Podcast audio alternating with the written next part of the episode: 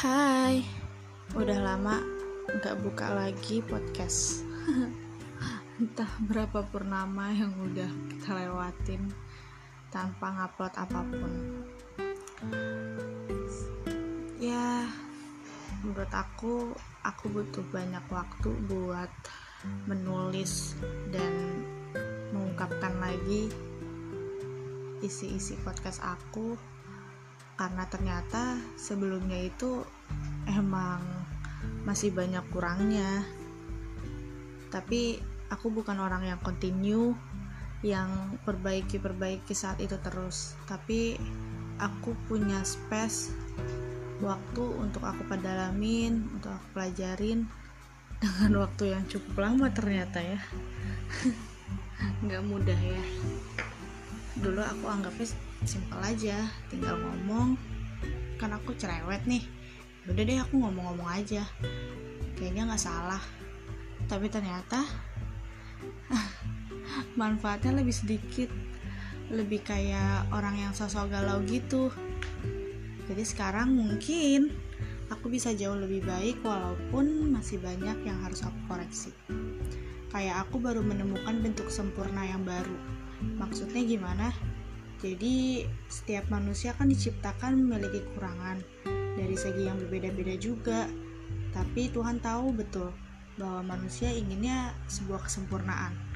Dan bentuk sempurna yang bisa kita temukan bukanlah dari semata pengetahuan minim kita tapi pengetahuan maha tahu. Aku pernah ketemu seorang teman dia senang banget bercerita bahkan sampai di titik aku tidak kebagian sesi bercerita dengannya. Bukan karena tidak percaya atau aku nggak bisa ngungkapin. Tapi di situlah Allah menyempurnakan kita dengan caranya. Maksudnya ya bentuk cinta Allah itu menyempurnakan dengan bentuk sempurna yang berbeda dari yang kita tahu. Jadi dia butuh telinga untuk didengarkan. Aku butuh mendengar saat itu dengannya untuk dijadikan sebuah pelajaran.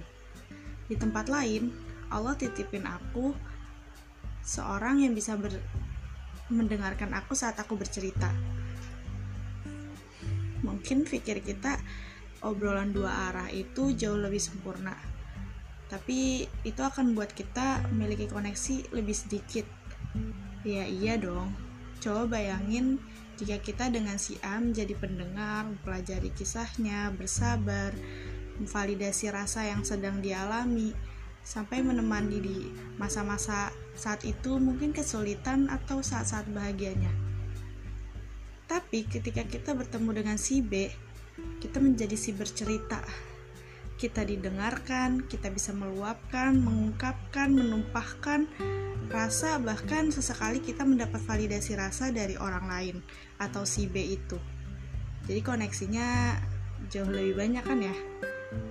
kalau kalau kita tidak pernah dipertemukan dengan manusia yang mau mendengar kita gimana tuh aku lanjut podcast selanjutnya aja kali ya.